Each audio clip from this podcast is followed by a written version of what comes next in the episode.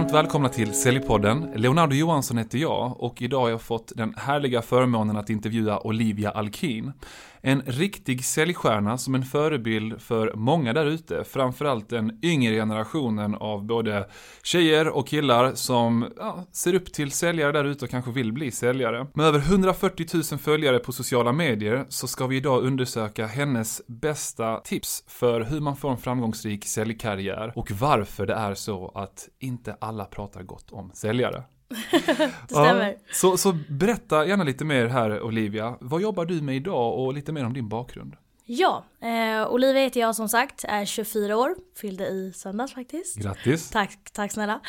Eh, jag jobbar ju som säljare idag, eh, men har en lite mer skräddarsydd roll senaste året på det bolaget jag jobbar på. Mm. Eh, så att jag säljer absolut en stor del, men jag gör också mycket för företaget som till exempel fixar företagsfester, ser till att kontoret är snyggt, eh, lite chef och vd-assistent. Eh, tar hand om nya säljare, utbildar nya säljare och ja, lite allt möjligt egentligen. Mitt första jobb var på en låneförmedling när jag var typ, jag tror jag var 17 eller 18. Eh, jag jobbade deltid efter gymnasiet. Då insåg väl jag kanske att, eller mina chefer insåg att det här är någonting som jag borde göra mer av. Eh, men sen så gled det iväg och jag gick in lite på jobb med barn till exempel. Jobbade jag mycket med barnvakt, barnflicka och liksom allt som har med bebisar och barn att göra egentligen.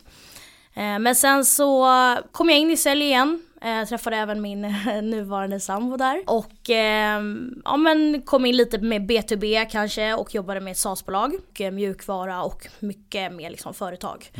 Eh, Men sen så um, kände väl kanske efter ett tag att jag började i fel ände. Alltså att jag började lite mer på en avancerad nivå än vad jag kanske ville. Eh, Och kände mer att jag ville göra mer sådana här kontorsgrejer, office management och liknande. Sen ja, kom corona. Min plan var ju att egentligen gå över helt till sådana typer av jobb. Eh, Men sen så kände jag att men jag, eh, jag måste börja om från början. Jag måste börja jobba med ren och skär liksom kallförsäljning. Så att då sökte jag till det bolaget som jag jobbar på idag. Och eh, det vi jobbar med det är ju olika alltså varumärken. Vi har ju liksom stora företag. Vi säljer ju inte vår egna produkt. Utan vi jobbar ju med till exempel Telia, Telenor och sådana typer av stora varumärken. Så att vi har ju väldigt, väldigt många unga som jobbar där. Och jag är väl en av kanske nu inte de äldre men jo ändå liksom. Många som jobbar kanske kommer direkt från studenten eller har haft några tidigare jobb innan. Så du, du har haft en bra mix under din karriär när det kommer till allt ifrån enkel försäljning till mer komplex försäljning egentligen? Ja, ja men det skulle jag säga. Jag är nog väldigt eh, kunnig när det kommer till just den typen. Sen kanske inte jag har jobbat så mycket om man jämför till exempel min, min sambo som var med på en väldigt mycket mer avancerad nivå när det kommer till hur försäljningen liksom går till. Ja. Eh, när det är stora bolag, stora affärer och liknande. Men sen så handlar det ju om säljgrunden. Vad är det för någonting? Och det är väl det som, som man får lära sig hos oss i alla fall. Men du pratade om din kärlek, kanske ett starkt ord, men din kärlek med att jobba med, med barn och jobbat en del med barn. Ja. Finns det någon koppling där? Alltså är det någonting man kan lära sig av att jobba med barn när det kommer till att bli bra som säljare? Alltså absolut. Jag skulle säga att mm, alltså, nästintill allting i världen handlar om försäljning. Eh, alltså mäklare till exempel, många anser att det inte har någonting med försäljning att göra. När man säger att man jobbar som säljare är det väldigt mycket, liksom, och det ska vi komma tillbaka till, det här med eh, fördomar när man säger att man jobbar som säljare. Eh, men framförallt så Liksom hela världen styrs ju av försäljning. Oavsett vilken arbetsintervju du ska till så handlar det om att du ska sälja in dig själv. Är du liksom en förälder eller någon som har hand om barn så ska du ju på något sätt prata på ett sätt att du säljer in det du ska säga till den här personen. Vilket är i grund och botten försäljning. Så att alltså jag skulle säga att framförallt vad jag fokuserar väldigt mycket på med liksom unga personer när folk kommer till oss som kanske inte har jobbat med försäljning innan och kanske kommer direkt från studenten och är lite osäkra, kanske känner att ja, men jag sökte hit för att jag såg en annons på Instagram och nu är jag här. Eh, men att jag verkligen förklarar då att ta vara på den här tiden. Även om du jobbar här i en månad eller två år, ta vara på tiden. För att oavsett om det här är ingenting du vill bygga vidare på så lär du dig så mycket av att jobba med den här typen av försäljning som verkligen är ren och skär liksom kallförsäljning mot privatkunder. Bra, vi ska hoppa in på det om en liten stund. Mm. Jag tänkte på en annan grej. Du- Du var ju på väg bort ifrån säljet ett tag. Mm. Varför då? Ja, alltså jag kände att jag eh, inte ville jobba heltid, tror jag. Eh, och jag tänkte och drömde väl om då att jobba som barnflicka, kanske utomlands. Mm. Men sen blev det att jag eh, var tillsammans med mitt ex då. Och det blev att vi stannade liksom i Stockholm och ehm, då blev det att jag tyckte om, jag tyckte om att jobba med barn. Så är det ju, så är det ju fortfarande, jag älskar barn. Och jag jobbade då på till exempel Minisats. Men sen så kände jag väl efter ett tag, efter några år att den här, för det första så är det kanske inte lönsamt att bara jobba lite deltidsjobb överallt och jag behöver en, jag behöver en fast anställning liksom, om jag ska komma någonstans nu. Då kände jag väl att jag ville börja jobba på kontor. Och då är det ju främst säljroller som söks i och med att ja, men till exempel ofta på ett företag så kan du ju bara ha ja, men kanske en office manager, du kan ha en vd, du kan ha en det här liksom. Eh, eller väldigt få i alla fall. Medan när det kommer till säljare så har du oftast team och därför anställs det fler. Så att det var väl på den vägen jag liksom kom in i, i den mm. branschen igen. Och sen bara följa pladask. För du, du berättade för mig inför det här poddsamarbetet mm. att det var någonting med nykundssamtalen som du verkligen började tycka om. Från mm. att har haft en, en rädsla inför dem, eh, tror ja. jag att du nämnde, till att ja, men det här brinner jag för. Vad var det som fick dig att, att känna att det här är någonting som du tycker är riktigt kul eller givande? Alltså för det första så är jag en person som är väldigt extrovert, har mycket energi och för det mesta är väldigt glad. Och sen att så krävs det ju också att man, eh, och det är det man bygger också under tiden, att ha en bra självförtroende mm. och eh, en del självkänsla. Och jag kände ju direkt när jag började med den här snabba försäljningen som jag var med idag, att det är ju, man får ju en kick. Mm. Och alla drivs av olika saker och mål. Men jag drivs ju väldigt mycket av att varför jag kanske inte tröttnar som vissa gör efter ett tag, kanske inte klarar av det som är liksom nackdelarna som vi också ska gå in på med att jobba med den här typen av försäljning. Det är nog att jag vet när det där säljet kommer så får jag en kick. Mm. Jag lever liksom, jag flyger på, på mån och eh, jag älskar det och framförallt när man då precis innan har pratat med en kund som man vet att man har gjort någonting bra för. Man har gjort en bra affär, de har tjänat på det, jag har tjänat på det, företagen har tjänat på det. Så det är väl det att jag känner att jag gör någonting viktigt även om vissa kanske tycker att det känns oviktigt att jobba inom den här branschen. Mm. Att företagen bara stjäl kunder av varandra så att säga. Men att eh, det är så det ser ut och liksom man måste ju vara där där efterfrågan är och det är det jag jobbar med så att jag tycker att det är superkul när jag gör någonting som, är, som känns bra och att jag tjänar bra pengar på det. Och där du får en direkt en bekräftelse ja, på att du gör ett bra egentligen. jobb. Jag har ju ganska stort bekräftelsebehov så mm. det är väl mm. en del utav av det. Och har man inte det då kanske man inte drivs av att fortsätta trots mm. att det går lite tufft ibland. Just det. Och jag tänkte hoppa in på en annan grej för att du jobbar ju mycket med telefonförsäljning idag. Mm. Och det är väl främst där, om jag får uttrycka mig lite fräckt, jag, mm. jag har en stor passion för telefonförsäljning. Kanske framförallt med min bakgrund inom business to business med ja. mötesbokning och så här. Men vad, vad är det för big no-nos som finns där? Och varför är det så att jag ändå har en känsla, om inte en erfarenhet, att det är det, just telefonförsäljningen som har lett till att vissa mm. har en, en dålig bild av säljyrket mm. överlag? Ja, det är en bra fråga. Det är ju väldigt hett ämne egentligen. Mm. Framförallt när man pratar med kunder som har varit med om till exempel tidigare erfarenheter. Mm.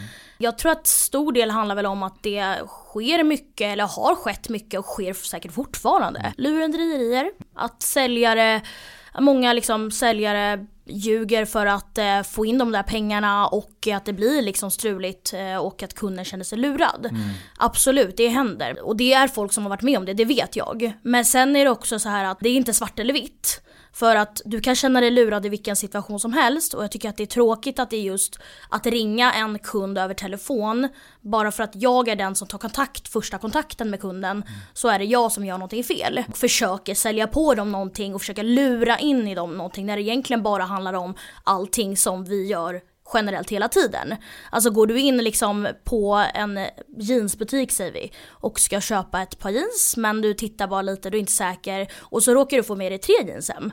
Då kan ju inte du sen komma hem och säga att jag känner mig lurad mm. för att det var en duktig försäljare i butiken som stod och hjälpte mig när jag skulle testa jeansen. Mm. Utan alltså det är ju liksom jag tror att det är en del också att många säger att de har blivit lurade men när jag frågar men vad är det som har hänt? Mm. Så jag men den här sa det här och det här och det här och och sen var det inte riktigt så. Men Så är det ju liksom inom allt egentligen som du gör och allt som du köper. Jag kan motargumentera lite grann, bara Ja. för diskussionens Nej, eh, skull. Jag jobbade ju inom detaljhandeln tidigare och sålde just eh, jeans och så här. Och då Mm. Ja. hade vi en, en säljcoach en tid på företaget som var extremt pushig som säljare. Mm. Och eh, det som han gjorde då, som var ganska märkbart, det var att när han såg att det var en yngre person som kom in där, eller en äldre person, som han då kände att men, de här är lättare att manipulera. Det är lättare att pusha på dem någonting. Då slutade det ofta upp med att de köpte ett par jeans extra som inte de ville ha eh, och kände sig lurade. Men om man skulle liksom transkribera, kanske det heter, ja, jag vet inte, men skriva ner exakt varje ord som sades i dialogen, då var det ingenting som objektivt sett Nej. innebar att man lurade någon. men men det handlar ju också om att ge kunden en bra känsla i magen. Men Ja, sen så förstår såklart. jag ju också det du är inne på. Det här med att om du har gjort ditt jobb som säljare, Mm. du håller huvudet högt, du vill skapa ett värde för kunderna och de sen känner sig lurade. Det kan hända vem som helst. Mm. Ja. Så att jag förstår vad du är inne på, jag vill ändå bara reflektera. Precis. Sen är det också lite så här att dra alla över en, en kam, kant, jag vet inte Mm. Ja riktigt kam, jag, jag, jag, ja. jag tycker att, att kant låter bättre ja, egentligen, jag men vet kam inte är det riktigt, nog. jag Ja. all, känner alltid att jag inte riktigt vet vad jag ska säga där men ja.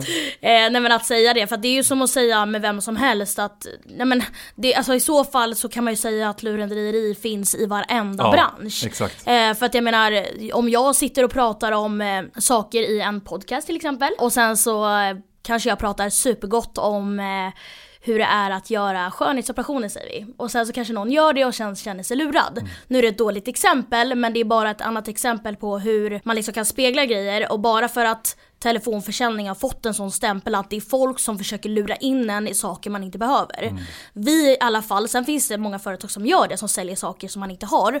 Men våra varumärken säljer, alltså vi ringer bara kunder som redan har de här tjänsterna idag via samma liksom, typ av teknik.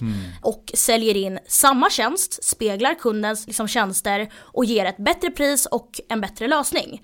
Sen till exempel så är det ju såklart att olika, vissa säljare som kanske jobbar på vårt företag och så är det ju alltid att de kanske är lite lättare att de är lite virriga och kunden uppfattar inte allting eller de har frågat grejer och nya säljare kanske till och med råkar svara fel på vissa frågor. Men sen är det också upp till kunden att den får ju hem liksom ett mail, den får hem ett brev på vad den då har köpt så att säga per telefon. Eller om man åker hem till dem som fältförsäljarna gör. Och där har du liksom alltid en ångerrätt och det vet du om som kund, det är någonting vi nämner i varenda sälj vi gör. Sen är jag en alltså, väldigt säljare som är väldigt, väldigt tydlig. Jag skulle aldrig ljuga för en kund för att jag får inte göra det. Då skulle jag bli av med mitt jobb. Jag får inte sitta och säga om en kund frågar okej får jag med det här och jag svarar nej och sen får den det eller vad det nu kan vara. Så att på så sätt så Ja, det är typ omöjligt för mig att lura en kund. Sen är, självklart vill jag inte att kunden ska känna sig lite lurad även om jag inte har sagt det, precis som du sa. Med den här grejen att om du tittar på det så, om man lyssnar på hela samtalet så har jag inte gjort någonting fel. Kunden har ju tagit känslan. ett aktivt val. Jag kan ju inte stå där liksom med och bara skriv på, skriv på. Utan den har ju till slut, tack vare mina säljskills, gått med på det. Inte exakt. blivit lurad, utan förstått. Okej, jag gör en bättre deal. Jag tar det. Just det. Det är så det funkar. Men du, det här, på tal om något annat som ändå kan kopplas till det här, det här med att ha 140 000 följare på sociala medier. Mm. Alltså, ha- har det hjälpt dig någonting när det kommer till ditt säljarbete? Eller så att nej, men du har försökt hålla dem i, liksom isär, eller berätta om det här med Mm. pressen man kanske kan känna av att ha 140 000 följare. Absolut. När jag började med TikTok för eh, ungefär två år sedan, eller nästan tre år sedan, så var det liksom precis typ nästan när pandemin kom. Eh, och jag hade så mycket fritid och det var väl mer en rolig grej. Sen så har jag alltid varit en person som, när jag var yngre hade jag en blogg, jag tycker om uppmärksamheten, jag delar väldigt mycket liksom, eh, om mitt privatliv och mitt liv med andra människor. Och folk har ju gillat det. Sen är det ju alltid så att när man är en offentlig person, som jag är idag, så är det ju såklart att man sticker ju väldigt mycket folk i ögonen. Om till exempel man gör någonting som de anser att man gör det bättre än vad de gör. Men jag hade, när jag började på mitt säljjobb nu så hade det ingenting alls med TikTok att göra för fem öre. Utan jag får väl kanske ännu mer motivation att fortsätta med det jag gör. I och med att när jag väl tar upp att jobba med försäljning på TikTok så är det ju väldigt mycket och så är det ju, vad jag än lägger upp så får jag ju skit, jag får hat. Så är det alltid. Eh, och barn skriver, de gör allt för att trycka ner en och de skriver, alltså oavsett vad jag gör, jag kan liksom inte vinna mot dem. Nej. Och det är inte heller personer som går bakom sitt, na- eh, bakom sitt egna namn. Nej. Utan det är ju bara liksom trollkonton så att säga. Just det. Så att jag försöker att inte lägga ut så mycket om mitt jobb där och när folk frågar vad jobbar du med, vad jobbar du med? Många gånger svarar jag bara liksom säljare.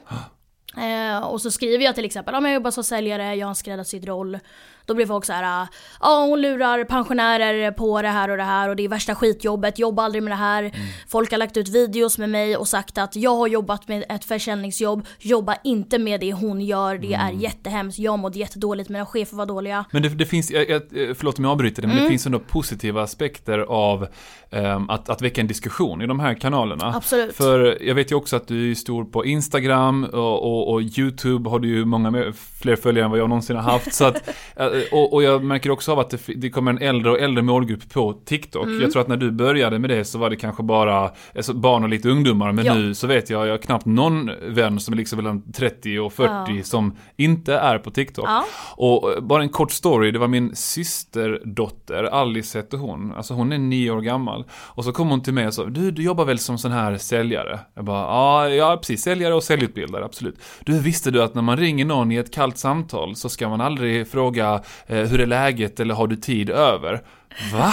Så hon är nio år gammal, hon brukar liksom leka med dockor framför mig och så ska hon utbilda Klassiker. mig inom sälj. Jag bara, vad har du hört det någonstans? På TikTok? Oh. Så, det, så, så det, det, tyckte jag, så, okej okay, det inspirerade mig till att kanske vara mer aktiv i de här ja, medierna också. Med tips liksom och, och Ja, men precis. Mm. Men, men, känner du så här att, alltså B2B-säljare eller B2C-säljare mm har du några generella tips till dem på sociala medier, oavsett om det är YouTube, Instagram, TikTok? Mm. Kan, de, kan de tjäna någonting på att lägga massa tid på att försöka bli stora där eller? Ja, det är väldigt lätt att eh, bli, eller gå viral så att säga på TikTok. Mycket ah, okay. lättare än någon annan kanal. Och det är väl det som har börjat nu om man tittar till exempel på Instagram, eh, YouTube, Facebook. Alla har de här snabba klippen nu. Man bara sveper liksom på mobilen så kommer mm. en ny information. Och det är väldigt snabb information som ska hända nu. Det är, jag tycker att eh, men det blir ju mer och mer TikTok liksom baserade videos. Sen kan de ju absolut eh, alltså, tjäna på det för att det var det jag ville komma till det här med att alltså nej men jag liksom svarar upp till eh, men, vad jag jobbar med och att inte, så det, det är svårt för det är så svårt. Det är därför jag liksom sitter här nu och det känns så skönt att kunna liksom prata om det. Att det är svårt att förklara för unga och liksom andra människor som inte jobbar med det. För att de har en så stark eh, liksom, fördom om vad man jobbar med. För att de själv kanske har blivit uppringda av någon någon gång som säljer lotter. Och då tänker de att ah, men det är exakt det jag jobbar med. När det, inte, när det inte alls är det jag jobbar med. Alltså det är ju verkligen att dra alla över en kam liksom. Och att är du då till exempel en säljare så tror jag att du får väldigt mycket motivation av att skapa eget content för att samtidigt, jag kan känna när jag utbildar nya säljare så känner jag att jag utbildar mig själv. Man blir ju så mycket liksom, bättre och man får mer motivation för att du blir lite nördig i det du jobbar med. Du, det där är coolt att du säger det. Jag kanske avbröt jag dig mitt i en, i en Nej, tanke. Då, Nej, det går bra. För innan så satsade jag en del på, på Instagram. Ja. Och nu är det ju långt ifrån dina siffror. Det är till och med en, vad kan en, en hundradel nästan. Men jag, jag kom upp från med 0 till 1500 följare på Instagram. Jag var mm. jättestolt över det. Eh, men sen så bara, jag ska satsa på LinkedIn istället för det var där min målgrupp var. Vad jag vill komma fram till det är att när jag började publicera inlägg både på eh, Instagram och på LinkedIn då kände jag en liten press, fast det var en positiv press av att det jag kommer lägga ut, jag måste ju ha bra källkritik på det, eller så här, källor på detta, eh, så att jag började utbilda mig själv på ett mm, annat sätt. Så, att, så länge man kan göra det till en positiv press så kan man också utvecklas på det personliga planet ja. av att börja lägga ut saker, oavsett mm. om man blir stor eller inte. Ja men kanalerna. precis. Ja. Och det är ju det som att, men man vill ju ändå vara bäst på sitt jobb. Mm. Så är det ju. Liksom. Eller jag tycker det. Ja precis. Alltså jag drivs vissa, ju inte av, ja, precis, vissa vill det. Uh. Jag drivs ju liksom av att eh, vara bäst och vara störst och vackrast liksom så. Och jag tror att kanske att det är en väldigt extrovert grej kanske. Mm, mm, mm. Men eh, ja, alltså absolut. Jag, jag tror att man blir bättre på det man gör om man själv alltså försöker lära andra eller, eller visa, visa vad man ja. kan. För det blir ju precis som du säger, du sätter en press på dig själv att du ska kunna det bäst av någon mm. om du visar andra det. Och man lär sig något nytt varje dag och framförallt inom försäljning. Ja. Och sen skulle jag väl ändå säga det som är, om vi nu ska gå tillbaka till till exempel om en ungdomar då och varför man ska jobba med försäljning mm. tidigt. Det är väl det jag vill kanske dela med mig främst av i den här podden. Det är ju att många unga ser mycket reklam Alltså vi gör ju reklam för vårt företag och eh, många andra säljbolag. Eh, det enda de ser är att det är unga personer som jobbar på ett kontor. Det kanske ser väldigt liksom, lalligt ut eller liksom, oseriöst ut för att de spelar pingis på den här videon och de säger vi har kul på våra raster, vi är ett grymt skönt gäng som jobbar tillsammans och så tänker de varför finns det inga vuxna där? Mm. Vilket många tänker att då tänker de att det är det jag jobbar med och att jag bara lallar omkring och varför jag tjänar eh, bra med pengar är för att jag lurar kunder. Jag. Men när de inte har liksom någon aning om vad det handlar om. Sen vill, vill jag ju verkligen att folk ska förstå och det, det hoppas jag verkligen att folk gör innerst inne. Alla företag och alla olika erfarenheter och upplevelser på bolag är ju helt annorlunda. Mm. Alltså det kan ju, jag tror absolut att det finns folk som har slutat på vårt företag som har tyckt att det var jättetråkigt, jobbigt, hemskt, eh, strängt, inte strängt. Alltså det är ju olika. Men alltså jag delar inte alls den uppfattningen. Vissa kanske har jobbat hos oss i två veckor, går därifrån och delar till sina kompisar, "Nej, det var jättelalligt och det var jätteoseriöst och man tjänade inga pengar alls. Jobba inte med det där. Men att jobba som säljare, det är ju som att ha sitt egna företag. Du bygger ju din egen lön. Alltså ju duktigare säljare jag är, hur högre närvaro jag har, för du måste ju jobba för professionen, därför måste du vara på jobbet. Alltså det gör ju att du tjänar mer pengar. Ja, precis. Och om det nu är liksom som, det finns inget annat jobb i världen skulle jag säga, förutom när man jobbar med till exempel med YouTube och sådana typer av grejer. Eh, Ett vanligt jobb så att säga. Där du kan tjäna som en, en advokat. Jurist, ja, ja, jurist, advokat. Eh, I liksom ung ålder, tjäna mellan ja, men 30 till 50 varje månad. Mm. Och inte ha egentligen någon utbildning förutom då att du får en säljutbildning på plats. Mm. För att sälj är ju någonting som alla människor har möjlighet att lära sig. Mm. Sen blir inte alla lika bra och vissa har helt olika säljtekniker. Jag till exempel har en eh, nära kompis med mig som jobbar på vårt bolag som har jobbat där ungefär lika länge som jag och hon hade inte jobbat med sälj innan och hon är helt annorlunda. Hon är lika duktig. Eller lika duktig, vi, vi, vi säljer väl typ- ungefär. ja, Ja, men hon är väldigt, väldigt tyst av sig. Hon, är, hon är inte introvert skulle jag inte säga för att hon, vi har ju superkul och vi kan ändå relatera till varandra.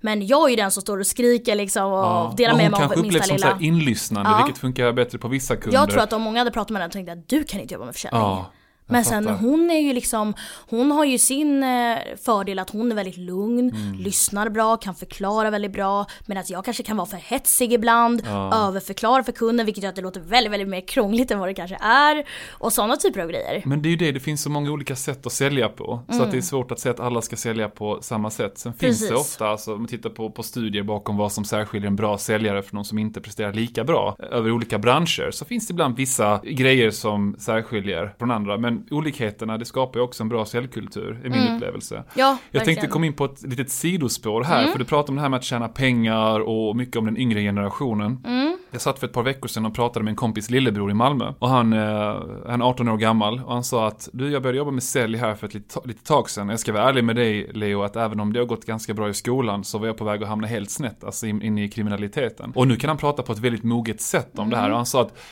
Problemet som finns, och jag tänkte han pratar ju eh, typ, säga, retoriskt häftigare än, än någon jag har träffat Ja, nästan ja. och han är jätteung. Och sen så att det finns sån press på oss unga Alltså killar till exempel då, som är från till exempel förorterna. Att vi ska ha så mycket märkeskläder och vi kollar på Instagram, det finns så många förebilder och allt möjligt. Att vi känner att vi måste ju kunna tjäna de pengarna.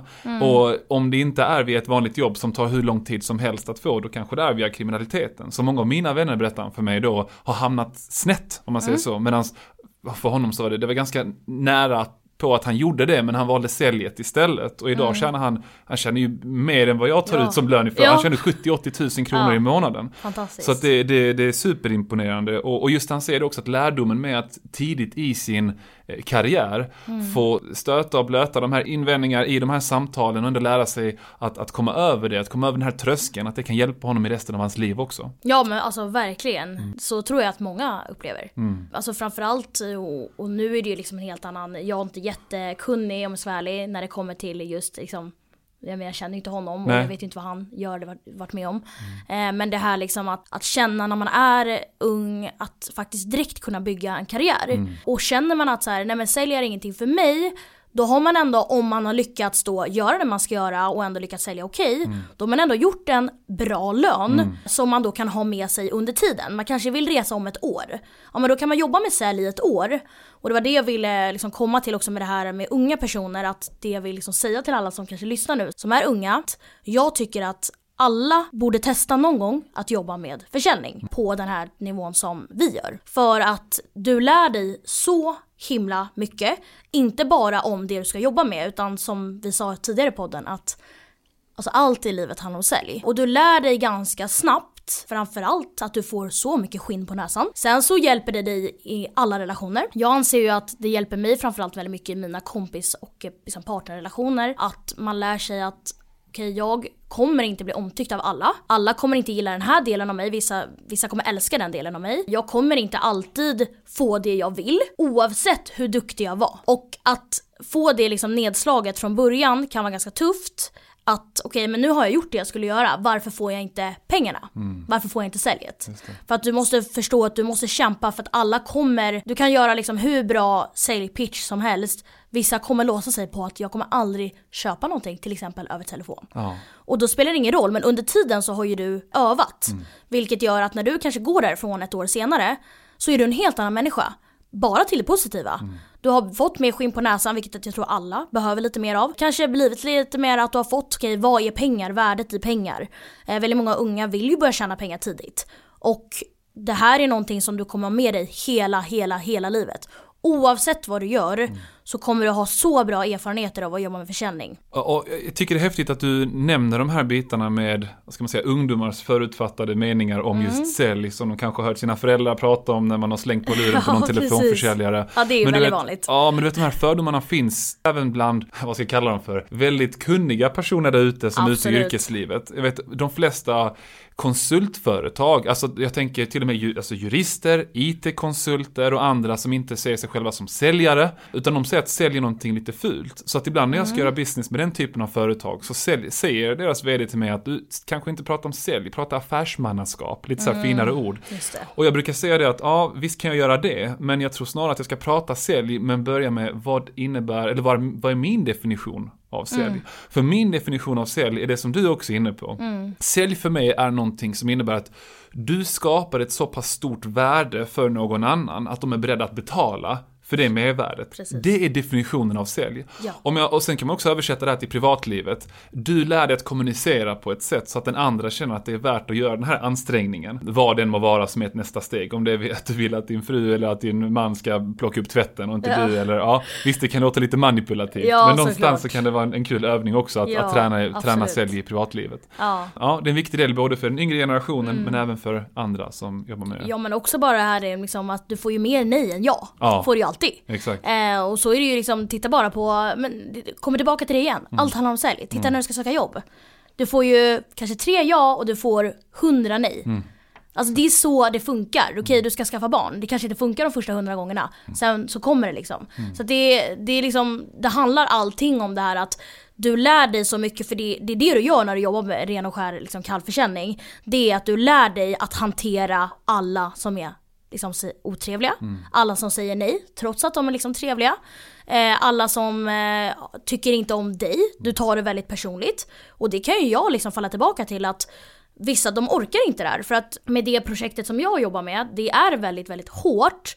Eh, och du måste, vara, du måste ha väldigt mycket skinn på näsan för att orka det här. Och framförallt att du orkar allting när det går trögt. Mm. För att visst, att jobba med det jag jobbar med och sälja svinbra flera dagar i rad, det är en dans på rosor. Mm. Hur kan, tänka, hur kan du tjäna så bra när livet leker? Du har knappt någon utbildning mm. i det du gör. Du har inte gått på universitetet. Mm. Utan du bara har lärt dig det här på några dagar. Du har, mm. blivit, du har lärt dig under tiden, fått erfarenhet. Och sen tjänar man mycket som en läkare. Alltså ja. egentligen, om man är duktig. Vilket gör att så här, okej, okay, det är klart att det är aslätt. Men det svåra är ju, och det är de som går långt, när det kommer till att tjäna höga löner länge. Det är de som orkar fortsätta trots att du kanske då jobbar gratis en vecka i och med att du kanske inte har sålt någonting. Mm. Och det är där problemet ligger och där är det många som ger upp. Och därför vill jag komma tillbaka till att sälj det är inte för alla. Framförallt inte den här försäljningen. Men man ska testa på det Du ska testa på det. Ah. För att du lär dig så mycket under tiden. Du blir liksom hårdare som person, du vet vad ett nej tack betyder. Men också att det är alltid bra att träna på någonting. Mm. Att kunna någonting. Utbildning är alltid bra. Eh, och det är det som jag sa innan med att du är lite nästan konsult. Alltså du, mm. du är ditt eget företag, ditt mm. egna varumärke.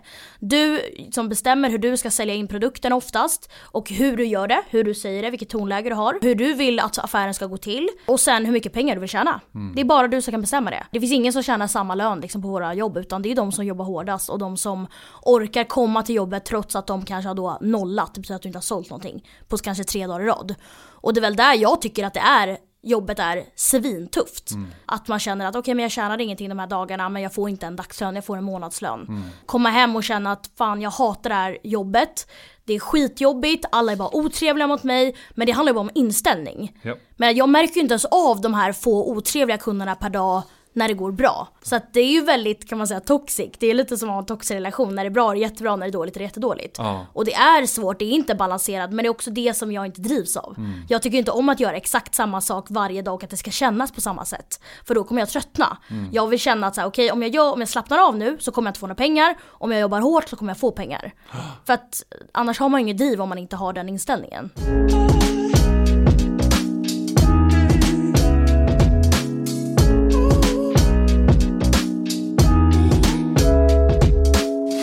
Ja, det, det är jätteintressant. Innan vi går vidare på den här diskussionen så vill jag bara passa på att marknadsföra vår huvudsponsor Säljarnas Riksförbund som erbjuder juridisk rådgivning, inkomstförsäkring och utbildningar till ett värde av över 40 000 kronor för nya och befintliga medlemmar.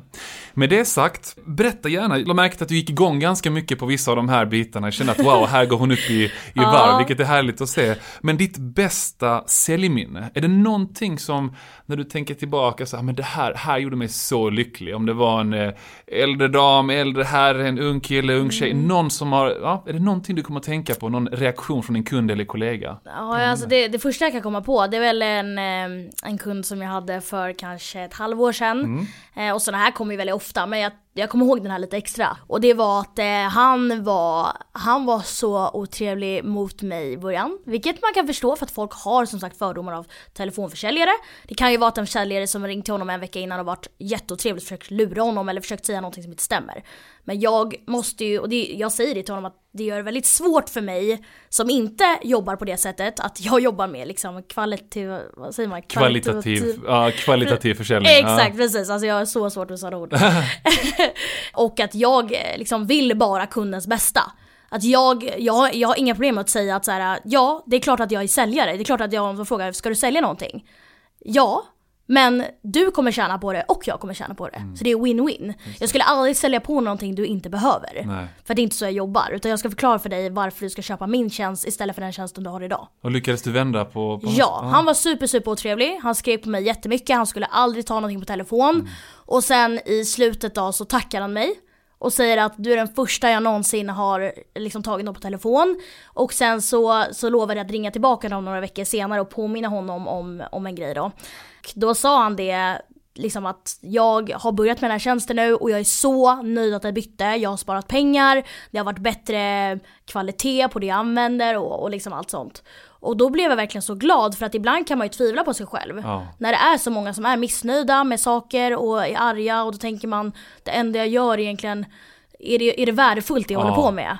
Men för honom var det det. Han var pensionär, han hade inte så mycket pengar, han trodde att det han hade idag var det bästa. Mm. Och han tycker bara att folk bara ringer på och bara liksom, ja. de, det blir inte bättre fast man byter och så vidare. Men så hade han gjort det tack vare mig och var supernöjd och då kom jag ihåg att ja, jag ska vara stolt. Du gud vad, vad häftigt. Jag, jag tänkte på en grej kopplat till det. Att mm. oavsett om det är då en, en pensionär med lite pengar man ringer till eller en beslutsfattare som är nedringd inom business to business. För ja. alltså, ofta brukar man generalisera och säga att en erfaren beslutsfattare, en vd, säljchef, HR-chef, inköpschef, att, ja, att de är lättare att ringa till på ett sätt än privatkunder. Mm. Eh, men det finns de som är extremt, om man ska säga bittra eller som ja, inte gillar att man, att man ringer. En teknik som jag brukar utbilda business to business säljare, det är att ja, men försöka vara rätt ödmjuk ödmjuk, när man märker av att det är en väldigt, väldigt tuff person på, andra sidan linjen, att nästan be om en chans. Bara säga så att Martin, om man känner att man är bekväm vid att säga namnet på personen, så att Precis. Martin, jag förstår att du har dåliga erfarenheter av de som ringer mm. och vill boka möten med dig. Ge mig bara en chans. Om det ger mig 20 mm. sekunder mm. så kommer du veta efter de 20 sekunderna mm. om, om jag kan skapa ett mervärde för dig Precis. eller inte.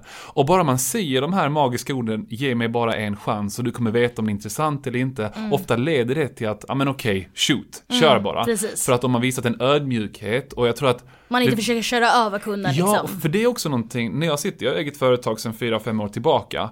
Det är så många säljare där ute som vill sitt, alltså de, de vill ju sälja och de vill säkert göra det bästa utav situationen. Men jag känner, jag har inte en syl i världen. Alltså jag, jag kan inte ens prata i det här samtalet, de bara pratar över mig. Och jag tror Mm. att det är också en grej, förutom att lura, som leder till att vissa har en dålig bild av till exempel telefonförsäljare. Precis. Och när man är ödmjuk och visar på att du, jag förstår att du har sådana här erfarenheter sedan tidigare, ge mig bara en chans. Då Mm. Precis. känner kunden ofta att man lyssnar på dem. Ja men så är det ju verkligen och jag håller med. När jag har jobbat med alltså, företagsförsäljning Mm. då känner jag också att det är en helt annan grej. Framförallt när de kanske själv liksom har en egen business och man pratar med Mm. den som, som äger businessen eller är säljare själv.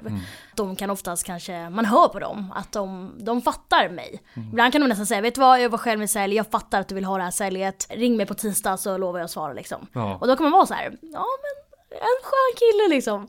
Eh, medans, ja, men de här liksom pensionärerna, de är lite, många kan vara väldigt, väldigt trevliga, många kan vara väldigt, väldigt bittra. Framförallt väldigt, väldigt bittra. Och eh, då vet, så här, då, då hjälper det ju inte att säga så. Ja men vet du vad liksom Bengt, ge mig en chans. Precis. Där måste man vara hård. För att det har jag lärt mig liksom att det är inget fel med att vara hård med dem i början för att annars hade man inte sålt. De bästa säljarna på vårt, eller på mitt projekt där jag jobbar, det är de som är pushigast. För att det finns ingen kund med det vi jobbar med som kommer säga när man har förklarat allting, vi kör på det här. Nej. Skicka ut ett sms och bekräfta det. Ja, och det, Utan du måste på något sätt Alltså nu kommer det låta jättefel, Mm. tvinga in kunden och det jag menar med det, det är att du måste pusha in för att du måste få förklara allting. Mm. Och när du inte har gjort det, då kanske de känner att Vet du vad, jag kan inte ta något beslut, jag eh, måste tänka på det här när man egentligen bara förklarat att det är exakt samma tjänst, du får lite mer förmåner, det är billigare, men vi ändrar ingenting i tekniken, du fortsätter med det du har idag. Så är det ju fortfarande liksom, så vi jobbar i alla fall, att du, du måste besvara den invändningen och gå vidare. Du kan inte säga, ja okej men då så, men då ringer vi dig på tisdag, för det blev det bara till ett nej tack. Nej men precis, och, och jag brukar prata om att man kan vara auktoritärt ödmjuk. Mm. Alltså det finns studier som visar på att när man som säljare, till exempel på telefon, om man upplevs som mer auktoritär, Ja. alltså vad innebär det då? Jo, du upplevs som någon som har liksom en styrka i rösten, du är en kraft i samtalet, att det är lättare att påverka den Ja, andra absolut, personen. absolut. Men att samtidigt vara ödmjuk, att kunden förhoppningsvis ska förstå att det här är för ditt bästa. Och det är inte bara att jag ska ha någonting sagt. Och det är Mm. Nej. det som jag tror att många upplever telefonförsäljare, generellt sett, att den här personen vill bara säga sitt, vill bara, liksom, det är ingen Mm, den win-win situation. mig. Mm. Den lyssnar inte på mig. Den förstår inte mig heller. Ja, och, och en annan sak också att eh, många som motargumenterar det här med, "Ja, fast varför ska någon ringa mig? Jag kan väl leta upp en tjänst ifall jag Precis, vill köpa någonting. exakt. Men det gör de men, ju inte. Nej men för det första gör de inte alltid det, och för det andra är att ibland så behöver man bli lite utmanad Mm. För att få en bättre situation. Oavsett Ja. Mm. om det är en pensionär som ska spara hundralappar i månaden, eller ifall det är någon som har hur mycket pengar som helst, som känner att, ja, gjort en bra deal. Precis. Så, så... Det gillar väl alla ändå? Ja en men bra deal. exakt, alla gillar precis både som Du köpare blir inte och... rik på att göra dåliga affärer. Nej men exakt, både som köpare och som säljare. Nej, men det håller jag alltså verkligen helt med om. Mm. Och även det att, eh, ja, men till exempel om man tar de här liksom personerna som så säger nej flera gånger i början och jag, men ofta är det inte att de säger nej utan ofta säger de ju, de vill ju bara bli av med den. Mm. Alltså 90% av alla man ringer till de säger ju att jag har inte tid, jag ska in på ett möte, jag ska hämta barnen, jag ska laga middag Mm. och framförallt den här jag har inte tid, jag är inte intresserad. När man inte ens har sagt varför man ringer. Och jag förstår det för att jag har gjort likadant. Mm. Mina föräldrar gör likadant och säger jag har inte tid och så lägger de på, äh de var någon jävla försäljare. Mm. Men jag har ju också kommit till sådana personer jag har lyckats rädda. Jag förstår att du inte har tid, jag ska fatta mig väldigt kort och sen fortsatt. Mm. Och sen har den personen sagt tack att du ringde och eh, var lite ihärdig. Just för det det. gjorde att jag fattade varför du ringde. För att du vet många, sen är inte det fel heller, men många ringer ju också med onödiga grejer kanske Mm. som folk anser. Kanske någon prenumeration på några strumpor eller vad det nu kan vara. Det kanske inte är lika vanligt. Eller ID-skydd och vi, alla vet inte vad det är. Medan vi ringer ju med liksom befintliga tjänster som de redan har. Vilket Mm. jag anser att så här, men om du bara lyssnar och så kommer du förstå varför det blir bättre. Det. Då kan de lite, kanske lite mer självförtroende och skinn på näsan i att nästan vad de än säger, så länge de vill ha en Mm. Ja. bättre deal så kommer jag kunna skapa det värdet. Mm. Medan ringer man och ska sälja prenumerationer på strumpor, då kanske man ändå känner att, ja, eh, Jag hoppas förstår jag kan skapa inte... ett värde. Mm. Precis, exakt. Medan när jag ringer våra kunder så, som, så vet ju jag att den här personen, eh, när jag fått reda på vad den har idag, Mm. och jag vet att jag kan matcha det, då vet ju jag att den här personen, alltså personen ska jag sälja på. Mm. Sen kommer inte jag kunna sälja på alla, för då hade jag varit liksom miljardär på en dag. Mm. Men det handlar om att du ringer kanske 200 kunder per dag och du får två ja tack. Och du får 198 nej tack. Exakt. Och de nej tacken kan ju kännas slöseri på tid men det är ju för att få de ja tacken. Eh, och det är det du liksom måste orka. Sen är det olika på olika liksom, projekt och olika företag vad beror på vad man säljer. Men det är ju viktigt att vara ihärdig i början för att det är väl det som kanske att folk kanske blir arga direkt i början när man när de säger jag har inte tid och man säger nej jag förstår så fortsätter man ändå att de men, vet, du lyssnar inte på mig nu. Jag vill inte köpa någonting. Och det är inte ens därför man ringer, man blir lite frustrerad ibland att man inte får säga varför man liksom ringer. Sen är det många som hör att det är en bättre deal men inte vågar byta. Eller vågar köpa det och byta ut sin nuvarande tjänst för att de inte litar på telefonförsäljning. Exakt. de tror att de kommer klicka på någon länk som kommer, liksom, de kommer lura dem och de kommer få dubbla fakturor och, och allt sånt där. Ja. Men jag vet ju själv hur det fungerar med alltså, försäljning. Det är ju att jag har ju tänkt i flera år att jag ska byta eller det här var för några år sedan då jag tänkte hur länge som helst att jag skulle byta mobiloperatör. För att min var ganska dyr och eh, jag menar tittar man på hur det ser ut idag när jag bor i Stockholm så spelar det ingen roll vilken operatör jag har. Jag kommer ha täckning överallt. Och jag gick, såg massa reklamer överallt på ett specifikt företag. Eh, gjorde aldrig något åt saken för att jag har inte tid. Jag, ska, jag har en sambo, jag har ett hem, jag har jobbet, jag ska ut med, ja nu har jag ingen hund men liksom sådana här vardagliga grejer. Jag ska gymma och hej och så det, det, man tar inte tag i saker på, se- på liksom de sättet. Utan det funkar som det ska om man har råd att betala det. Mm.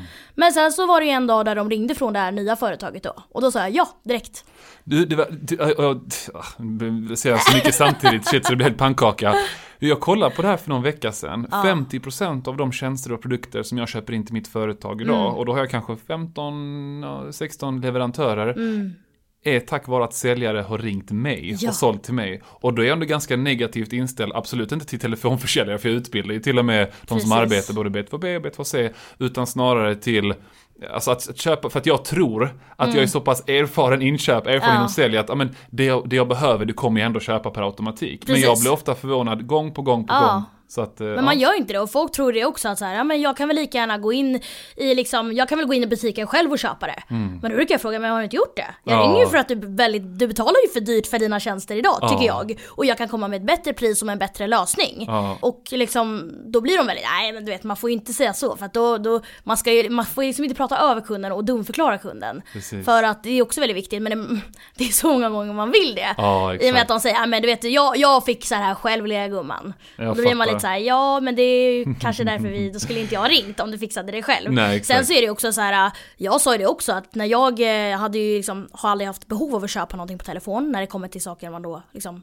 verkligen behöver. Till exempel elavtal, försäkringar och sånt. Men nu när vi, eh, jag och min sambo köpte vår första lägenhet, ja men lite drygt ett år sedan. Då ville jag ha, då behövde vi ett elavtal. Och jag visste ju att folk säljer elavtal. Så jag vägrar gå in på en hemsida och signa upp för elavtalet. För att det är, jag vill ha en säljare som ringer som får provision för min försäljning. För att jag vet att jag kommer få det bästa elavtalet. Jag kommer få de bästa liksom, eh, villkoren. För det är ju det, de säljer ju alltid någonting väldigt, väldigt bra. Alltså de, om du går in på en eh, liksom, mobiloperatörs hemsida så får du alltid bättre deal när någon ringer. Det är ju så det funkar. Annars hade de ju aldrig ringt ut. Ja. Så då bad jag faktiskt det här företaget att men har ni något säljbolag som ringer för er, ring mig. För att jag skulle ändå ha elavtalet från det här företaget. Jag hade bestämt mig för att jag skulle ha det bolaget. Eh, och jag menar då fick ju säljaren pengar. Ja. Jag fick ett, det bästa elavtalet och eh, alla är glada. Win, win, Alltså win. verkligen. Ja.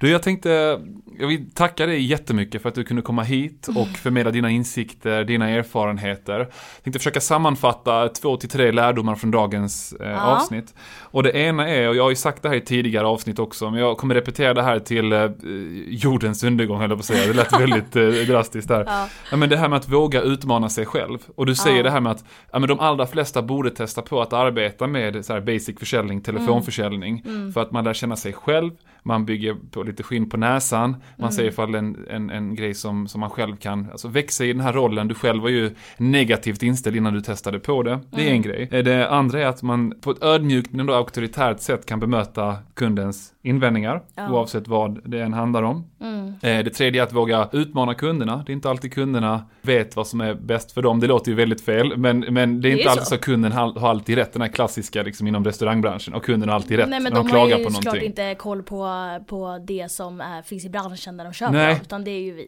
Nej men exakt, det är det. Det är vi som är experterna. Är det Mm. någon annan grej som du säger avslutningsvis, du, ja men det här vill jag att lyssnarna tar med sig.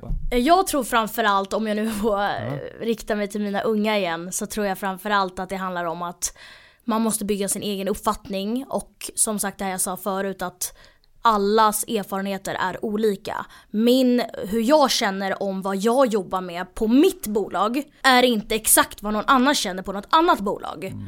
Det är som att säga att ja, men här har vi två personer som jobbar på McDonalds. En person som precis har blivit anställd och har kanske en ganska ja, men, dålig timlön. Hatar sitt jobb, hatar sina kollegor och har en jättedålig erfarenhet och upplevelse. Samma sak som att säga att liksom, någon chef som sitter någonstans på McDonalds kontor, att de två, båda jobbar på McDonalds, att det är värsta skitjobbet. Ja. Det är som att säga så. Just Eller tvärtom, att den här personen mår jättedåligt som sitter på kontoret. Ja. Men den här personen som precis har börjat på McDonalds är 18 år och älskar sitt liv och träffat nya kompisar. Som den inte hade i skolan. Exakt. För den är ju då jobbet perfekt. Så att folk kanske tänker att men det är ju, ditt jobb är inte perfekt och det är inte mm. drömjobbet. Där jag är just nu är det drömjobbet. För att jag tjänar ju liksom mycket mer pengar än jag hade gjort det om jag stått i en butik och jobbat per timme. Kanske dubbelt så mycket. Samtidigt som jag har mina sociala medier, vilket jag älskar. Kunna liksom, ja men eh, visa mina åsikter och hjälpa folk mm. och liksom allt sånt. Mm. Och dela med mig utav mina mm. erfarenheter och sådär. Men sen också framförallt att skildra alla olika liksom, upplevelser. Mm. Vi har jättemånga säljare som, som kommer till oss som är 19-20 kanske. Eh, som har jobbat på andra säljbolag som ska vara liknande då. Och de har mått piss verkligen. Mm. De har sagt att de här säljcheferna de är urdåliga, de skriker på oss när det går dåligt på ett negativt sätt, kallar dem grejer, eh, de får inte gå och kissa, de får inte ta pauser, de får inte ta raster. Och de tjänar inga pengar på det. Och typ lite lurendrejeri i bolaget egentligen. Och sen när de kommer hit så tänker de, och nu inte för att favorisera vårt bolag men så är vårt bolag helt sjukt bra jämfört med det där bolaget. Så både ge liksom säljyrket en chans men även om man ja. har en negativ upplevelse ja, som kanske inte, ja byt och testa ja, på. Testa på. Du kan inte dra alla bolag över en kam. Just det, ja, nu är vårt, ja, nu vårt favorit, ja, precis, vårt favorit, favorituttryck idag. Kommer aldrig glömma. Ja, underbart. Ehm, jag vill avsluta det här sammanfattningsvis med att be er prenumerera på podden oavsett om det är via Spotify, Acast eller någon annan plattform där du sitter och lyssnar just här och nu. Och extra stort tack till vår huvudsponsor Säljarnas Riksförbund. Ehm, kika in på deras hemsida om vad de kan erbjuda dig som medlem. Bland annat säljutbildningar till ett värde av över 40 000 kronor. Tack så mycket Olivia, tack för idag. Tack snälla för att vi fick komma hit. Grymt. Okej, okay, säger vi så. Hej hej. Hej.